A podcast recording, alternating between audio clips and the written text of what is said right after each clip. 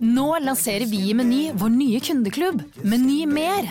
Som Meny Mer-kunde får du mer trumfbonus på nye produkter hver uke. Og 10% trumfbonus på din første handel. Og i hele sommer får du 30% trumfbonus på over 200 produkter fra Jacobs utvalgte. Så bli Meny Mer-kunde i dag og få flere fordeler når du handler hos oss. Meny spiser du bedre, lever du bedre.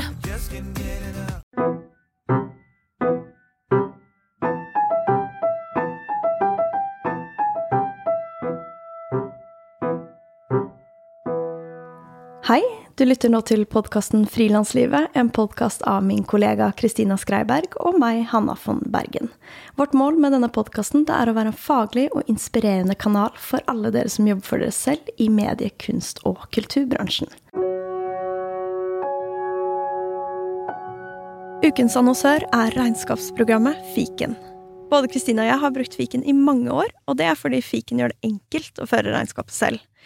I fiken så kan jeg nemlig sende fakturaer, ta bilde av kvitteringer med fiken-appen, jeg kan levere moms og næringsoppgaven, og jeg kan gjøre alt fra samme sted. Det gjør frilanslivet mitt lettere, rett og slett. Vil du prøve fiken gratis i 30 dager? Gå inn på fiken.no. I dag så har jeg tatt turen ut av studio og inn i arbeidslokalene til dagens gjest, filmskaper Ellen Ugelstad. Ellen er 48 år og har laget en rekke kortfilmer, to langfilmer og jobber for tiden på tre parallelle filmprosjekter. Hennes filmer kretser rundt temaer som psykisk helse, makt og avmakt i psykiatrien, og undersøker hva det innebærer å være pårørende, ansatt og bruker. Filmene er blitt vist bl.a. på festivalene San Francisco International Film Fest, Sundance, Oslo Pix og Bergen Internasjonale Filmfestival, for å nevne noen få. Ellen er selv pårørende og bl.a. kjent for Indian Summer fra 2012, hennes første langfilm, som er en personlig dokumentar om broren Torstein som lever med diagnosen schizofreni. Filmen ble vist på NRK og ble nominert i to gullrutekategorier for beste regi og beste dokumentar. I hybridfilmen Making Sense Together fra 2018 retter Ellen et kritisk søkelys mot problematiske metoder innenfor psykisk helsevern. Jeg har arbeidet litt for Ellen, og derfor kjenner vi hverandre fra før av. Og jeg er veldig imponert over hennes engasjement og evne til å belyse kompliserte strukturer og sensitive temaer. Jeg gleder meg til å høre mer om det å skape film, det å bruke personlige erfaringer inn i kunsten, og hvordan Ellen, som lager film om psykisk helse, selv forholder seg til frilanslivets utfordrende aspekter. Hei, Ellen. Hei. Hyggelig å være her på besøk. Takk for at du kom hit. Um, ja, nå sitter jo vi her på en lørdag og spiller inn denne episoden. Pleier du å jobbe i helgene? Ja, det hender det. hvordan, ser, eh, hvordan, ser, balansen ut mellom eh, arbeid og, og fritid? Mm, det er jo aldri helt likt, så det Jeg tror jeg er mindre og mindre opptatt av å sånn dele opp veldig mye, men heller at det liksom flyter At det er en integrert del, og at uh, arbeidshverdagen min har en rytme, mer enn at liksom jeg skal jobbe fra ja, ni til fem og ferdig. Eh, noen ganger gjør jeg det, noen ganger gjør jeg ikke det. Eh, noen ganger må jeg jobbe litt i helgen. Eh, men det viktigste er at jeg har nok lommer til å hente meg inn og restituere meg og koble av og sånn, men om jeg, jeg er ikke sånn kjemperigid, for da føler jeg at det også blir en ambisjon som man hele tiden skal feile på. En nytt press? ja. Så da syns jeg det er bedre å prøve å bare finne en rytme man er fornøyd med, da. Og så er jo noen perioder jeg arbeidsintense, og noen er det ikke, men uh, jeg har jo valgt dette selv. Så ja, jeg har jo mine måter å hente meg inn på, ja. Mm, fordi, jeg liker. Ja. Som nevnt i introen, så kretser jo veldig mange av dine filmer rundt temaet psykisk helse. Hvordan jobber du med å finne en god balanse og ivareta din egen mentale helse i frilanstilværelsen?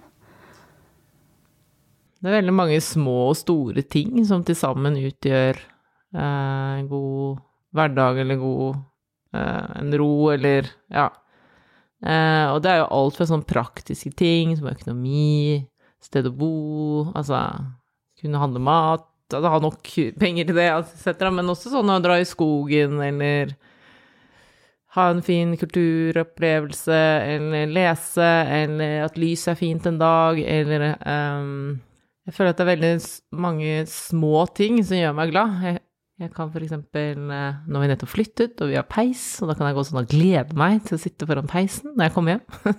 Så du er god på å liksom nyte øyeblikkene. Ja, det er kanskje Ja, det er kanskje jeg får til. Mm. Mm. Spise en god middag, er kjempefornøyd. Men er du litt eh, enkel av deg? Sånn, er det, eller går du og kverner mye? jeg tenkte sånn, ja, kanskje jeg er litt sånn enkel Altså, nei, jeg kan kverne og holde på, jeg, men altså at jeg blir glad for enkle ting. Hvis jeg får badet om sommeren, eller eh, Men så tror jeg også det at jeg fikk meg hund for noen år siden. Det skaper litt mer sånn bevegelse i hverdagen. Eh, og det tror jeg også gjør noe til sammen for helheten, og også det at jeg er ikke en hundeperson egentlig, da, jeg må bare si det. Jeg er en katteperson. Så det at jeg fikk meg hund, er helt sånn eh, Ja, det er bra at livet har noen overraskelser i skjorteermet. Men en sånn hund, altså en sånn pelsdott, det, det er helt utrolig. Det er en poet som sa at de er sånn natural comedians. De er sånne muntrasjonsråd. Mm. Så hvis du ler litt mer hver dag, så må jo det 365 dager i året, at du smiler og ler litt mer hver dag, må jo til sammen utgjøre en forskjell, tenker jeg også. Jeg leste at eh, du har studert filosofi og sosial antropologi ved Universitetet i Oslo, og så har du tatt en bachelor i kunst fra eh, The Academy of Art University i San Francisco.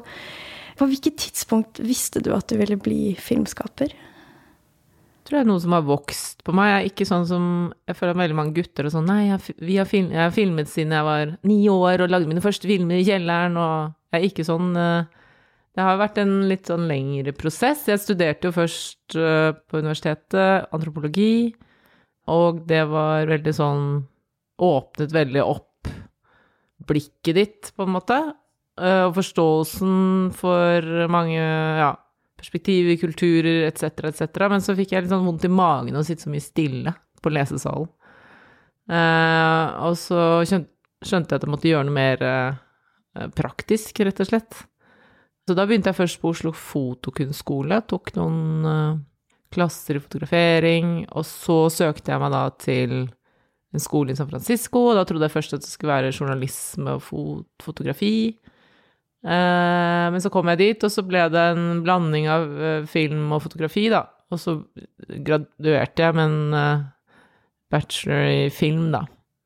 Så det var en sånn organisk prosess, kanskje, mer enn at jeg liksom bestemte meg for at nå skal jeg lage film.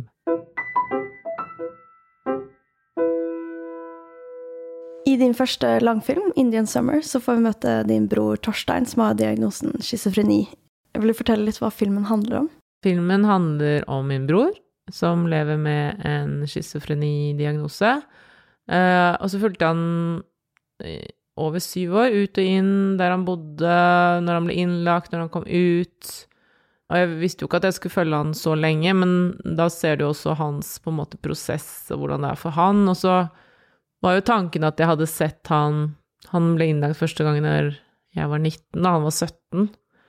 Og når jeg begynte å filme, så var vel jeg kanskje 30 eller noe sånt, så jeg hadde liksom sett hvordan han hadde hatt det i systemet, da, og syntes på en måte aldri han kom til sin rett, eller fikk eh, komme til orde, eller Ja, så i filmen så ønsket jeg å legge historien så nærme hans opplevelse som mulig. Det er ingen eksperter som uttaler seg om noe, eller forklarer hva schizofreni er, eller Jeg ville legge meg tett på erfaringen, da. Mm, gi han en stemme. Mm. Mm, Og andre som kanskje er i lignende situasjoner, da. Ja. mm. Jeg ble veldig rørt. Jeg syns den var utrolig fin. Mm. Eh, Hvordan var det å skape en film med så personlig relasjon til både hovedpersonen og tematikken? Så først så tenkte jeg at det skulle bare være 20 minutter, men så er jo tematikken såpass kompleks at det, prosjektet vokste, da. Eh, og da vokste det litt for oss begge, både for broren min og meg. Det var jo mange etiske problemstillinger underveis. Altså min metode ble jo litt å involvere han i filmingen, eh, og vise han ting underveis. Så han var jo veldig mye en del av eh, prosessen. Han kunne også ringe meg og si sånn Hei, skal du komme og filme litt nå? Eller Ja, så det var jo et slags sånn Det bandt oss også litt sammen, da, at vi fikk en tredje venn, og det var kamera. Men så var det perioder hvor han ble veldig dårlig, og da la jeg jo bare bort kamera. For da er det mer enn nok å bare være pårørende. Sånn at det var derfor den tok så lang tid også. For meg var det ikke naturlig å filme når liksom han hadde det veldig, veldig vondt. Mm. Så Ja, for du går jo inn i en rolle når du filmer, mm, eh, som kanskje da ikke bør være foran den rollen å være pårørende mm. i visse perioder, da. Ja, det var sånn jeg hadde det, da. Folk er jo veldig forskjellige med Det lages så mange dokumentarer med et personlig utgangspunkt, og jeg tror ikke det er noe mal eller noe Alle må finne sin vei inn i et sånt prosjekt. Men for meg var det viktig å ivareta vår relasjon, at han var trygg foran kamera og uh, kunne si stopp, nå orker jeg ikke mer, og da stoppet jeg. Jeg pushet aldri over det. Men fint å legge det bort også, la det modnes. Uh, og det samme når vi satt En ting er jo å ha filmet alt materialet, men så skal du se gjennom og velge ut du hvordan du skal klippe og ja. Og da brukte vi også ganske god tid på den prosessen. Eh, og når den var ferdig, så lå den faktisk et år før den hadde premiere. Eh, og da fikk jeg også fordøyd det litt og fått litt distanse fra materialet og eh, filmen, da. Mm. Og det tror jeg var bra. Hva var det mest utfordrende med den prosessen? Med å filme og også over liksom så lang tid og så nært innpå? Ja, man er jo kanskje litt alene i en sånn prosess også, fordi jeg hadde jo ikke lyd, eller jeg hadde liksom ikke et sånt kre eller team av faglige rundt meg. Eh, men det var jo selvfølgelig utfordrende i perioder han ikke hadde det bra, og så er det selvfølgelig utfordrende med å liksom finne finansiering. Eh, nå er det en stund siden jeg lagde den filmen, men eh, men selvfølgelig utfordringer. Ja, er det riktig å gjøre det? Er det etisk riktig? Gjør jeg det på riktig måte? Ivaretar det han? Og eh, ja. Ja, hvordan portrettere han, for eksempel?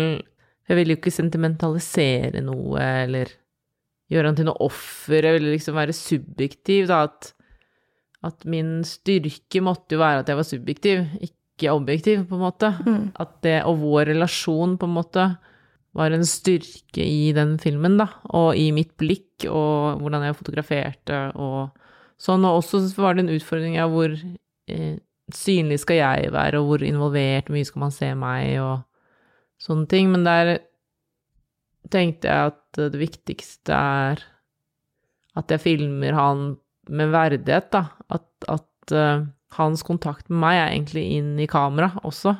At han, for hvis jeg hadde hatt med en fotograf, så ville det jo vært sånn at han hadde sett vekk fra meg, på en måte, mens han kunne hele tiden snakke inn i kamera og være en del av Det ble en tilstedeværelse der, tror jeg, da, som jeg ikke hadde fått hvis jeg hadde brukt en ekstern fotograf. Mm. Mm. Hva har din erfaring som pårørende betydd for ditt arbeid som filmskaper? Nei, det virker jo som det har betydd en del. så jeg driver og lager disse filmene med denne tematikken. Så det må jo Altså, det har jo gitt gjenklang i meg, og eh, Og satt avtrykk på mange av arbeidene mine. Nå er ikke alle filmene mine som handler om det, men, men mange av de, da. Så det er klart at eh, Ja, det påvirker meg i stor grad. Og så tror jeg at man kanskje det er jo ikke sånn for alle pårørende, men det er mye frustrasjon inni systemet, og eh, hvordan han har blitt behandlet, og hvordan vi som pårørende blir behandlet. Så den frustrasjonen eh, blir jo på en måte omskapt, eller jeg prøver å gjøre liksom transformere den inn i noe annet. Så det er også på en måte en del av den mentale helse, på en måte, å liksom omsette energier til noe mer skapende eller noe utøvende, eller lage noe, eller Mm. Og ta, og ta den følelsen av avmakt og liksom ja, gi den kraft og eh, Ja. skape, skape endring. Ja. Jeg opplevde jo litt sånn jeg satt Jeg husker når jeg satte i gang med Making Sense Together, som er om makt og avmakt, da hadde jeg kjent på veldig mye avmakt over lengre tid. Eh, men det å begynne å omsette det til noe, det var litt sånn frigjørende, husker jeg. Mm. Hvordan da?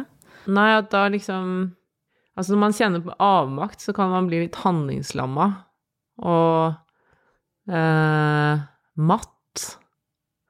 Man liksom, det kribler liksom i Jeg vet ikke, det er sånn fysisk reaksjon også. Eh, men det å begynne liksom tilegne seg mer kunnskap om det, omsette det til noe, lære mer, eller finne ut mer av det, researche det, begynne å liksom omforme det og snakke med folk, og så er det veldig gjenkjennelig for veldig mange, og da blir det på en måte en litt annen energi, da. Mm. Hvis det makes sense. Veldig. og Det er jo en slags ventil òg, da. mm. Hva, hvordan tror du det hadde vært hvis ikke du hadde lagd film om de her temaene? Og fått hatt en ventil? Altså, det vet jeg jo ikke, for jeg vet ikke noe annet. Men det er utrolig mye sorg og frustrasjon og sinne og oppgitt og handlings... Det er utrolig mange følelser i kjølvannet av å være pårørende, og det er Det har noen du er glad i, som i perioder lider så mye. Eh, Men jeg har gått i sånn pårørendegruppe og terapi og sånne ting også for å kanalisere litt av dette her. Men, eh, og det tror jeg alle bør gjøre som er pårørende, å få liksom Det er veldig fint å snakke med andre pårørende, for da det er litt sånn intuitiv forståelse av situasjonen. Trenger ikke si så mye, man har bare en slags sånn ja, et slags sånn fellesskap i de erfaringene. Eh, ja, nei, jeg vet ikke hvor jeg hadde vært der hvis jeg bare skulle vært pårørende. Jeg hadde vært utrolig frustrert. Mm. Og man blir litt sprø av å være pårørende òg, tror jeg. Ja, når, når kjenner du på en måte på mest motgang? Nei, det er hele tiden i møte med sånne prosedyrer, og det er litt sånn Det er sikkert Altså, det er ikke Det er jo hele den markedsliberalistiske måten å tenke helse på, da, sånn måle, veie, telle Hvor er de mennesk... Det er liksom ikke så mange menneskelige møter, og det er Det er så små ting som ville gjort det annerledes for pårørende, da. Bare for eksempel at når du kommer til et møte, så sier de med en gang når du skal slutte. Eh, og all, det er alltid noen forsinka, noen som ikke kunne komme. Så det er alltid sånn veldig dårlig møtestart, og så er det aldri en agenda. Man er liksom ikke helt samlet om hva man skal på det møtet. Eh, så bare sånne små ting med å si ja, vi har et kvarter ekstra i dag, vi syns dette er viktig, vi har ikke sett, snakket med dere på et seks måneder. Altså det, det ville gjort så stor forskjell, tror jeg, for pårørende som kanskje ikke har sovet og gruer seg til møtet og ja, vet ikke hva. Så er det så lite sånn jeg er vant til fremdriftsplan og deadlines og sånne ting, og hvis du tar opp Er det noen fremmedsplan? er det noe datoer, så er det liksom et fremmed språk, da. Eh, men sånn bare hvis du er på besøk hos noen som er innlagt, og bare får sittet ned med personalet i ti minutter og debrifet, at de er hyggelige når du kommer, at de hilser Altså det er en del sånne helt sånne basic ting da, som jeg syns mangler, som ikke koster penger i det hele tatt. Og egentlig bare å gi informasjon, for jeg tror at mange Jeg tenker på alle de foreldrene der ute, da, som ikke får nok informasjon. Og da begynner man å spekulere og lure, og føler ikke at barna har det bra eller er trygge, og da bare det liksom litt flere kontaktpunkter, litt mer sånn rutine på 'dette skjer nå', det tror jeg hadde bidratt mye til mange. Besøkstider, bare få en liten brosjyre. Jeg husker også i starten så skjønte jeg ingenting av spesialisthelsetjenesten, andrelinjetjenesten, førstelinjetjenesten og bydel og DPS og altså Jeg måtte lage sånn tankekart for å skjønne alle de forskjellige nivåene. Wow. Eh, hvis de bare hadde gitt deg noe info, liksom, så ja. Mm, liksom hvordan Det frem... det fungerer. Mm, og det er en fremmed verden, det er en lukket verden. Det er mange som Nå har jeg vokst opp med foreldre som jobbet i helsevesenet, men, men selv jeg hadde jo ikke hørt ordet psykose først, altså før broren min fikk det første gangen. Så ja, jeg tenker på alle de der ute som aldri har hatt noe forhold til psykiatri eller psykisk helse eller noe. Mm. Hva de møter, da, i møte med systemet. Mm, og du har jo lagd, som som nevnte også, 'Making Sense Together', eh, og også en kortfilm som heter 'Møterommet', som jo er liksom det her du snakker om nå. Det er jo en, kortfilm som skildrer et, eh, et møte med ulike eh, fagpersoner og eh, brukere og pårørende. Ansvarsgruppemøte. Mm. Mm. Tas det ansvar? Nei, altså Jeg har jo vist denne her til utrolig mye fagfolk. Og eh, alle steder jeg viser den, så kommer det jo kommer fagfolk bort til meg og sier 'jeg har vært på det møtet'. Eh, for de er jo ikke heller happy med at møtet er sånn, eh, og at det ikke blir Det er liksom ikke noe som omsettes til noe konkret, og så skal man liksom møtes igjen og se hvordan det har gått. Så jeg syns jo det er litt sånn ansvarsfraskrivelsesmøte, da. Um, og uh, ofte snakker man om pasienten i tredje person, og mye sånn stammespråk med sånn forkortelser for alle mulige sånne derre front og bupp, og det er jo de, det er for barn og unge, da, men det er utrolig mye sånne forkortelser, sånn at det går langt over hodet på deg. Eh, og det er jo mye verre enn uh, det jeg har skildret, da, i det møterommet. Det er det. Ja, og der, jeg har faktisk et sitat herfra som jeg syns var så bra. Ok. eh, um, ja, for du nevner i et intervju om denne filmen, i et intervju fra montasje, så sier du at du har brukt fiksjon for å tone ned virkeligheten. Så jeg syns det var veldig treffende. Ja, fordi altså, vanligvis så kan det jo være opptil tolv mennesker på et sånt møte, og hvis man skulle liksom ha tolv karakterer i en film, så blir man veldig forvirret. Så jeg måtte korte ned, og så er det egentlig Hvis jeg skulle gjort det så ille som det noen gang har vært på de møtene, så ville ingen trodd på meg. Det ville vært farse, på en måte. Så mens nå kommuniserer den jo og skaper dialog fordi den på en måte også prøver å fremstille at man har forskjellige beveggrunner for at Altså, i et møte så er det et bakteppe av mange menneskers hverdag, på en måte. Noen skal sykemeldes, noen skal videre i karrieren, noen skal Altså, ja. Mm. Det er veldig fragmentert, da. Så det er jo bra at den brukes som et sånt eksempel på hvordan det ikke bør være.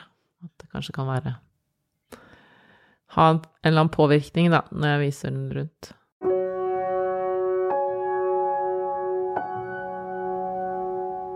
Ukens annonsør er coworking-spacet 657 i Oslo. Koronapandemien har ført til en monoton hjemmekontortilværelse, og savnet etter å møte andre frilansere, samarbeide og være en del av et fellesskap er stort.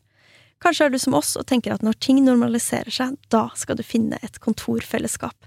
Det lengter vi etter. Vi vil anbefale deg å sjekke ut 657, for de retter seg nemlig mot oss som er i den kreative bransjen. De har en egen mentorordning, slik at du kan utvikle deg. De har foto- og podkaststudio til en skikkelig sympatisk pris, og de tilbyr fleksible løsninger for deg som kun trenger et sted å sitte et par dager i uka. Sjekk ut 657.no.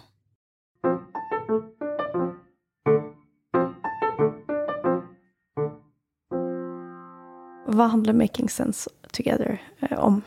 Ja, 'Making Sense Together' er en film om makt og avmakt i psykiatrien. Og det høres jo veldig abstrakt ut, men da har jeg eh, både intervjuet eh, brukere, pårørende og ansatte, og skrevet denne fiktive historien da om Kjetil og moren hans og deres møte med byråkratiet. Det er egentlig en forlengelse av møterommet også, den historien der. Denne eh, filmen er en hybridfilm. Vil du beskrive litt hva, hva innebærer det? Ja, jeg blander både dokumentar og fiksjon, men egentlig for meg er det en film. Jeg er jo ikke så glad i sånne kategorier. Så uansett om jeg lager dokumentar eller fiksjon eller noe midt imellom, så vil jeg helst kalle det en film. Men eh, en hybrid, den blander forskjellige fortellergrep, da, sånn som at uh, i Making Sense Together så er det en del intervjuer, og de er jo dokumentariske. Men så forteller jeg historien om mor og sønn og deres møte med helsevesenet, og da har jeg brukt skuespillere for å fortelle det, da. Tror du det her henger sammen med din bakgrunn, som både da kommer fra foto og antropologi, i forhold til at du jobber så kreativt med ulike fortellermetoder? Ja, jeg tror Jeg er jo ikke, fra, jeg er jo ikke liksom oppdratt i en tradisjonell filmskole, hvor du får én rolle, det er regi, og så skal du bare gjøre det.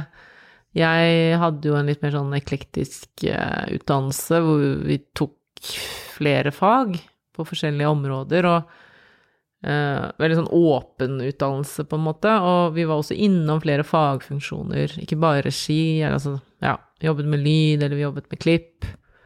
Eh, så jeg tror nok den derre litt blandings... Eller den mer Ja, den åpenheten, da, pluss at utdannelsen var i San Francisco, det var en veldig åpen by, eh, på alle mulige måter. Så jeg tror det har fargelagt mitt kunstnerskap og måten jeg går inn i prosjektet på. For jeg tenker å, jeg burde bare holde meg til én ting og liksom bare ha én sjanger igjen.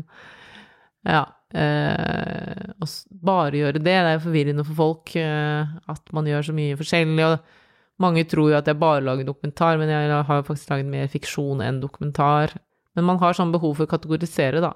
Hva tenker du at det har gitt deg å jobbe på den måten? Det gir meg et sånn åpent rom når jeg skal lage en film, da, at jeg ikke liksom må alt være fiksjon, må alt være dokumentar, eller Det er litt sånn at jeg først har tenker på tematikken eller innholdet, og så finner jeg formen. Uh, jeg har jo et, et spillefilmprosjekt som, som uh, har tematikk rundt det godes problem. Uh, og da var det naturlig at det skulle være en spillefilm, for jeg er veldig opptatt av det godes problem. Det ondes problem er veldig, veldig diskutert, og både filmatisk, litteraturen overalt, men det godes problem, det er liksom ingen som Hva mener du med det begrepet? Nei, at uh, det å gjøre godt noen ganger også er i grenseland til å gjøre vondt, da. Uh, eller ikke være vondt, på en måte. Så det er sånn veldig sånn Ja, stort spillerom for uh, både humor og drama. og så er vi jo i Norge litt sånn selv... Eller ikke selvgode, men litt sånn Eh, jeg bare merket det, jeg har bodd syv år i San Francisco, og da får du litt annet blikk på din egen liksom, bakgrunn og land og litt sånne ting. Så det heter ja, vi nordmenn vil gjerne hjelpe til og ja. jeg føler at det er veldig mye potent materiale, da. Men det er liksom, da er det jo liksom først og fremst at jeg tenker på tematikken, eller sånn, så tenker jeg ok, hva er som best forteller om dette, eller hvordan kan jeg ha det morsomst med dette? Er det liksom dokumentar, er det en hybrid, er det en spillefilm, er det et kunstprosjekt? Så kommer det som nummer to, på en måte, da. Ja.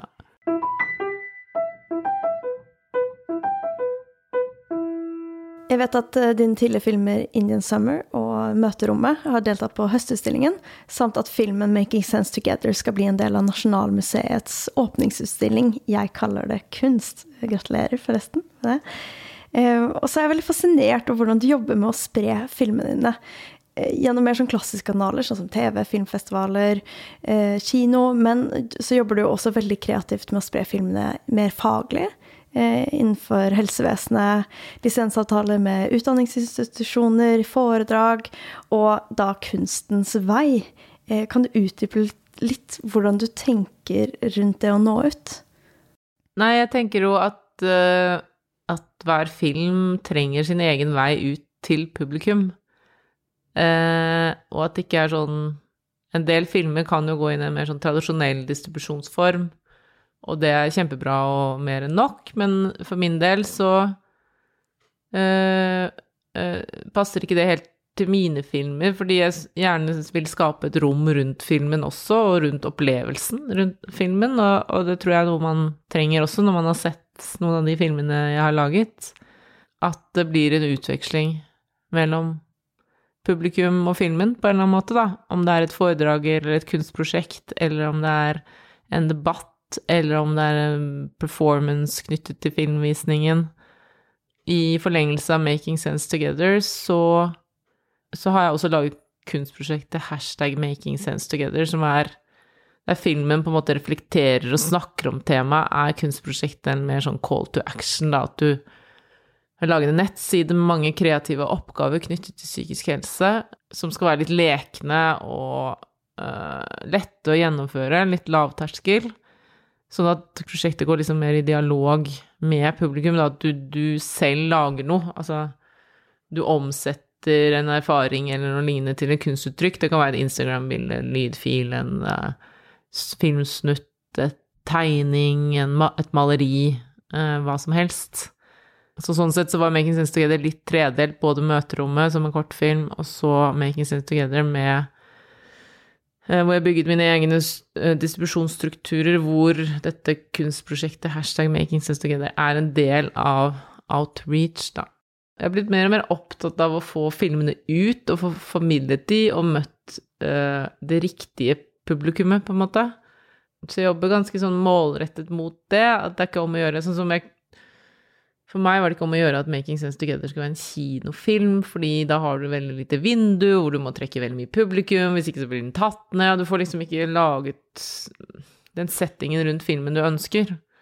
Uh, og noen filmer passer jo til det, så, men jeg følte at uh, 'Making Sense Together' ikke passet til det. Og at der ville jeg heller ha spesialvisninger og festivaler og i samarbeid med organisasjoner osv. Så, videre, og så, videre. så jeg hadde vel sånn 30 spesialvisninger i tillegg til festivaler og sånn, og på festivalene så hadde vi ofte sånn opplegg rundt. Men da skaper man på en måte et nytt rom for filmen, da, ved å jobbe sånn. Uh, og det er mye personlig frammøte, som uh, manusforfatter kaller det. at jeg er der og presenterer og snakker om min bakgrunn. For jeg har jo én ting er jeg har broren min som har Og at jeg er pårørende, men faren min var også psykiater. Og moren min er sosionom. Så jeg har liksom et bredt spekter av ståsteder, eller jeg har sett helsevesenet fra innsiden og utsiden det å jobbe litt sånn aktivt for å skape sine egne distribusjonsstrukturer som passer filmen, da, uh, istedenfor bare tre ned en distribusjon eller lansering som på en måte ikke uh, kler filmen eller henter opp tematikken eller ja, opplevelsen eller hva det måtte være. Uh, så noen, jeg har jo også gjort noe med uh, performance før og etter ettervisning, og så har jeg foredrag, og så blir jeg booket inn på konferanser eller eh, klasserom eller eh, fagdager eller hva det måtte være. Men, eh, og noen ganger kan det være litt tøft, fordi det er eh, et såpass personlig tema. Men så er det noe med at liksom den responsen da, i møte med publikum, den gir også energi. Eh, sånn at det er mye morsommere å møte publikum enn jeg før trodde eller synes. Eller jeg husker jeg sittet med Indian Summer i syv år, så hadde jeg jo ikke så mye erfaring med å møte publikum. Jeg grudde meg skikkelig, liksom. Sitte alene i filmen over så lang tid. Og, ja. Men det var jo det morsomste var jo å møte og få respons. Altså alle de e-postene jeg får, og alle de meldingene jeg får, og alle de um, Det at folk kjenner seg igjen. Altså, det gir jo så mye energi.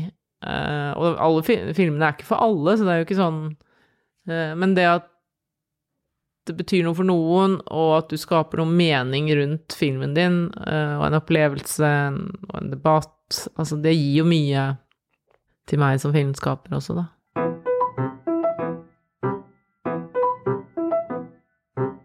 Nå lanserer vi i Meny vår nye kundeklubb, Meny Mer. Som Meny Mer-kunde får du mer trumfbonus på nye produkter hver uke. Og 10% trumfbonus på din første handel. Og i hele sommer får du 30% trumfbonus på over 200 produkter fra Jacobs utvalgte. Så bli Meny merkunde i dag og få flere fordeler når du handler hos oss. Meny spiser du bedre, lever du bedre. Nå har jo du vært i gamet ganske lenge, 15-20 år. Eh, er det noe du har lært deg eh, som du skulle ønske at du hadde visst litt tidligere? Tenk på hvis det sitter noen liksom yrende filmskapere ja. der ute og lytter. Jeg har så lyst til å si noe utrolig eh, bra. Jeg må tenke litt, men så klart er det det. Eh, man må bare ta den sjansen, da. Men det er så veldig sammensatt, akkurat det der, fordi det handler så mye om økonomi.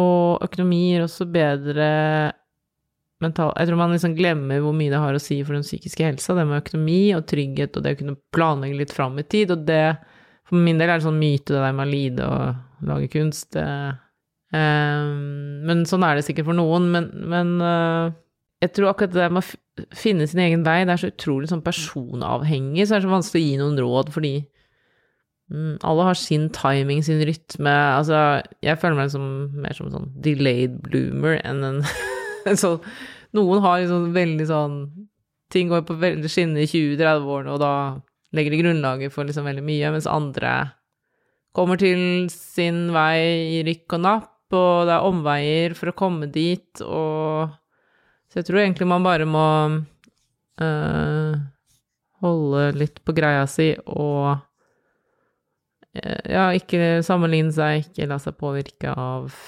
Ja jeg vet ikke helt hva jeg skal si, egentlig, men det å ikke la seg forlede, da, men ha kontakt med det som er i en selv, som er ja, motoren i seg selv, på en måte. Mm. Og jeg, jeg, har, i hvert fall i min egen erfaring, har jeg lært meg masse som jeg absolutt skulle ønske at jeg visste tidligere, men jeg hadde nok kanskje ikke brukt det hvis jeg hadde visst det tidligere heller. For det er Nei, det er litt det der, tror jeg. Liksom, det er veldig lett å være etterpåklok og tenke det ene og det andre. Eh, men jeg vet ikke om jeg hadde visst det. Nei, brukt det, nei. mm. Et eksempel er jo at jeg har jobba utrolig mye gratis, eller frivillig. Og det, på et tidspunkt så bare innså jeg at ja, men jeg har jo 70% ubetalt arbeid nå. og, og jeg tror at virkelig det endra litt sånn Hvis ikke jeg tar tak i min egen økonomi og måten jeg tenker finansiering av prosjekter og um, Og liksom At det er viktig å, å ha lønna arbeid, da. Så, så var jeg redd at jeg bare kom til å fortsette inn i det sporet. Mm. Men jeg er utrolig takknemlig for alt jeg har lært meg gjennom å gjøre de prosjektene. Så det er jo alltid litt sånn Ja, todelt. Ja, og så tenker jeg ikke sånn opptatt av riktig og galt, eller hva jeg har gjort feil. Jeg tror jeg er ganske sånn uh, forgiving. Jeg tenker heller learning by doing. Ok, så ble det sånn, men da lærte jeg det, og så går jeg videre, og så bygger ting på hverandre på en eller annen måte, da. Det er en veldig bra holdning, syns jeg. Veldig aksepterende. Ja. Uh, Ja, men er, vi har jo um, hatt en episode om selvmedfølelse. ja. Og, og det tror jeg ja, Ulike folk er ulike gode til å praktisere det, men jeg tror veldig mange er ganske kritiske med seg selv og forventer veldig mye og legger mye press og ambisjon. Og, og det handler jo veldig mye om at det man jobber med, er på en måte så utrolig viktig for en selv. Det er en veldig stor del av identitet og, Mm. og livet sitt. Eh, Hvordan, hvordan er du med det? Nå sier du 'learning by doing'. Du virker veldig sånn selvaksepterende. Jo, men det tror jeg, det tror jeg har kommet litt eh, med årene, for nå er jeg liksom den der indre kritikeren som liksom er en del av den verden man er i når man lager ting eller skaper ting, som kommer alltid den Dukker alltid opp. Men den tror jeg er mye mer borte. Um, men eh, ja, hvis det er noe man egentlig bare må kvitte seg med ganske fort. Og som en psykolog sa til meg, snakk til deg selv som du snakker til en god venn. Eh, For man blir jo ofte, når man har den kritiske stemmen, så, eller hvis man er nedstemt eller litt deprimert, så blir man også litt sånn sur på seg selv for at man er det, i tillegg til at man er det. Mm. Så man hakker liksom litt ekstra på seg sjøl i tillegg til at man føler seg litt nedfor. Um, så det er liksom bare Ja, nå er jeg veldig sånn Ok, i dag hadde jeg veldig bra rutiner, i går hadde jeg kjempedårlig. Altså, ja ja, sånn er det. Noen dager er sånn, og noen dager er sånn. Mm. Det er liksom ikke noe sånn Det er en annen ting i forhold til det med balanse mellom jobb og uh, ja, hverdagen og sånn. Eh, jeg har lest et sted at det å stresse over at man er stressa, det er verre enn å stresse. Det er mer skadelig.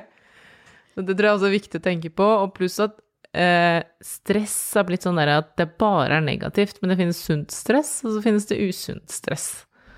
Eh, og litt sunt stress kan jo gi litt, ja, motor og litt sånn eh, Ja, at du gjør ting. Eh, og, men avisene er jo proppa fulle om at du ikke skal stresse. Det er så mye sånn fryktorientert informasjon til oss hele tiden.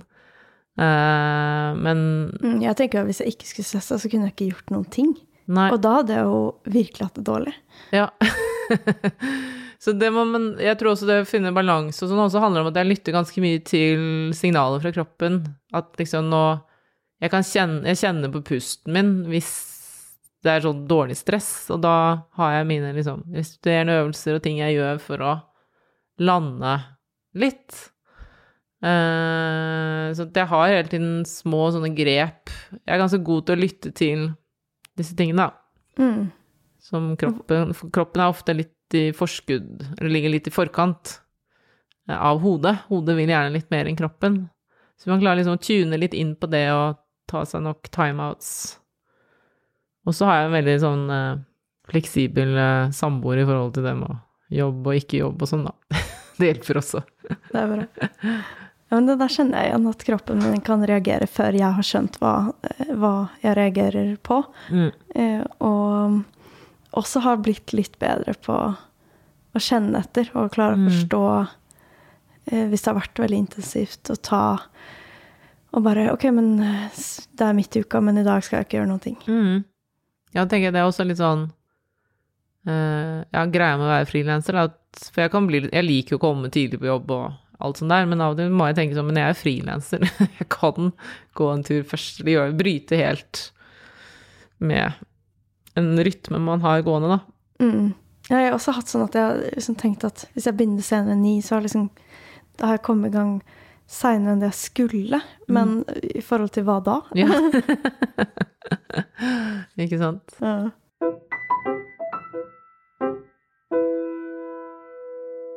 Noe vi to aldri har snakka om eh, tidligere, som jeg egentlig er veldig nysgjerrig på, er det her eh, med valget om å få barn. Eh, fordi du er som nevnt i introen 48 år, eh, og så har du en veldig hyggelig samboer, en veldig søt hund, eh, men ikke barn. Var det, var det et bevisst valg, eller liksom bare ble det litt sånn? Uh, nei, det ble litt sånn, egentlig. Uh, men jeg har nok vært litt sånn treig i å skjønne at man må skynde seg å få det innen en viss tid. det, det, det var ikke noe biologisk klokke. nei, den var litt sånn fraværende, egentlig. Men eh, det, det handler om mange forskjellige ting, selvfølgelig. Uh, men så var jeg litt uheldig i, i ja, de årene jeg prøvde å få barn og ikke fikk. Så det har vel bare blitt sånn, og så har jeg på en måte forsonet meg med det. Eh, eh, men det var en periode hvor det var veldig utfordrende å venne seg til den tanken at man ikke skulle ha, uh, få det. Men så er jeg jo veldig frihetssøkende også, da, så jeg tenker ofte på en del, at det er en del frihet i hverdagen når man ikke har barn også, da. Mm. Men ja, det også bare ble litt sånn av ulike grunner, da. Og jeg synes, ja, men det er fint å få høre historier. eh, For ofte de historiene man hører, er enten sånn Jeg var helt sikker på at jeg ikke vil ha barn. Eh, Vier all min tid til kunsten. Eller så er det jo på en måte det at man ikke har kommet dit ennå. Eller har man visst det? Men jeg syns det er litt for få historier om den er midt imellom, da. Mm. Uh, Midt imellom historiene, som jeg føler meg at jeg er en, en del av. og Mm. og det er litt fint å høre hvordan Ja, noen ganger så ender det opp litt sånn av omstendighetene. Mm. Jeg tror at det kanskje det som gjør det um, til at det ikke er sånn kjempestor sorg, er vel kanskje fordi man driver med noe man syns er meningsfullt, så man får liksom fyller tiden sin med mye bra selv om man ikke har barn, da. Og så er det jo sånn at hvis man får behov for å være en sånn type omsorgsperson, så så er det jo mange barn som trenger et hjem eller et fosterhjem eller um, annen, noe sånt, da. Så ja, jeg tenker liksom eh, Det ble sånn. Eh, så tror jeg egentlig litt sånn Jeg vet ikke om det er sånn, men i de årene som var liksom de siste årene man kunne rekke å få det, så var det veldig sånn eksistensielt og veldig eh, altomliggende rundt i livet hele tiden. Men så er det akkurat som biologien Altså, du blir jo eldre, da, og så har du ikke mulighet lenger, og biologien er der ikke lenger heller, så da akkurat som det slipper litt av seg selv, og så ble det sånn det ble. Eh, Men der tror jeg også at det ikke er Alle har forskjellig prosess, og noen ganger kanskje Ja. Um, er kanskje lettere å akseptere eh, når, det ikke, når ikke valgmuligheten der så er der til stede lenger, da, på samme Mm. måte. Ja, og, men så øh, i mitt tilfelle så er det jo litt sånn jeg har hatt mye omsorgsoppgaver i livet, fordi jeg er storesøster, har ja, en bror som ikke har hatt det bra. Um, så øh, ja, er man glad i den friheten når man har den, da. Og jeg, jeg tenker jo noen ganger på søndager og sånn at jeg bare mm, koser meg, har ingen andre jeg trenger å ta hensyn til. og for eksempel har jeg nå, apropos sånn jobb og ja, eh, balanse i livet og alt det der, så har jeg nå mye bedre sånne morgenritualer. Eh, for før var det sånn stå opp i siste liten, eller sånn at jeg bare rakk å spise og gå ut døra og alt det der. Men nå er det sånn, står opp, drikker kaffe, leser avisen, gjør en meditasjon. Eh, man gjør litt sånn skulderøvelser, har god tid. Tenk, tenk om man hadde to barn og hjemmekontor, og, hele, og nå spesielt med korona, så hadde det vært forstyrrelser hele tiden. Men jeg kan bli veldig sånn lett og glad når jeg har fått inn disse nye ritualene om morgenen, og tenker jeg ingen som forstyrrer meg. Så heldig jeg er. Det er liksom livskvalitet å ha den stunden for seg selv, da. Eh, men så tror jeg barn også gir masse nye erfaringer og masse gøy. Så jeg tror ikke det er noe sånn Du får noe, og du mister noe, og sånn er det også hvis du har barn. Du får noe, og du mister noe. Mm. Og sånn er det med det meste i livet, egentlig. Ja, men det er et fint perspektiv, fordi jeg ofte syns at den historien man hører, er at man mister noe. Mm. Ikke nødvendigvis at man får noe. Eh, At eh, den er litt svart-hvitt, da, kanskje portrettert. Ja, det tror jeg nok også. Så er det sånn at noen vil jo helst kalle det at man har barnefri, og ikke ufrivillig barnløs Hva heter det for noe? Jeg heter Ja. et eller annet. Barnløs. Ja, helt barnefri. Altså, de er barnefri, liksom. Men kanskje også litt med at jeg har bodd i San Francisco. Der er det så utrolig mange livsformer som er greia. Norge er veldig sånn homogent på en eller annen måte, da. Alle skal liksom inn i den Ikke alle, da, men det er en sånn A4-fold, og den kommer du litt automatisk inn i hvis du har barn. Men det, jeg tror for mange frilansere er det bra, du får en struktur, du må levere Altså, du har Du må ikke gå på egen motor hele tiden, da. Men eh, i San Francisco så husker jeg liksom møtte folk som bodde i kollektiv når de var 50 og 60. Altså det var sånn Og det er jo den største gay community, og eh, det er så mange livs... Jeg føler liksom San Francisco og Los Angeles hvor jeg bodde, er litt sånn Ja, folk lever på mange forskjellige måter, da. Eh, og det er helt greit. Ja. Mm. Det er befriende. Ja, og da var det ikke sånn 'Å, du har ikke barn', og så trist. Det er ofte en sånn holdning, og så bare sånn Da var det mer sånn Oh, where do you go traveling?' Eller 'Hvor skal du reise? Hva gjør du når du Altså, mens her er det litt sånn klapp på skulderen-greie Ja. som Du får både en 'Å, er du frilanser?' Å, Ja. får å, har du ikke barn? Kan ikke tikke av på så veldig mye sånn innenfor normalen, men det får være greit. Hva syns du er det beste med å frilanse? Nei, det er vel egentlig bare å kunne lage sin egen hverdag, da. Mm, bestemme selv hvordan hverdagen skal være. Og jeg vet ikke om mestringsfølelse er det riktige ordet, men det er liksom Men det er gode og dårlige ting. Altså, det er mye det er Du er ikke så frilans hvis du ikke kan betale husleia di, liksom. Så det er jo Da er det jo mye frihet i å ha en fast jobb også. Så jeg er litt sånn eh, Folk kan jo tenke veldig negativt om fast lønn og fast jobb og sånn, men det er mye frihet i den strukturen òg, tenker jeg. Så det er ikke sånn helt svart-hvitt, dette her med frilans, ikke frilans.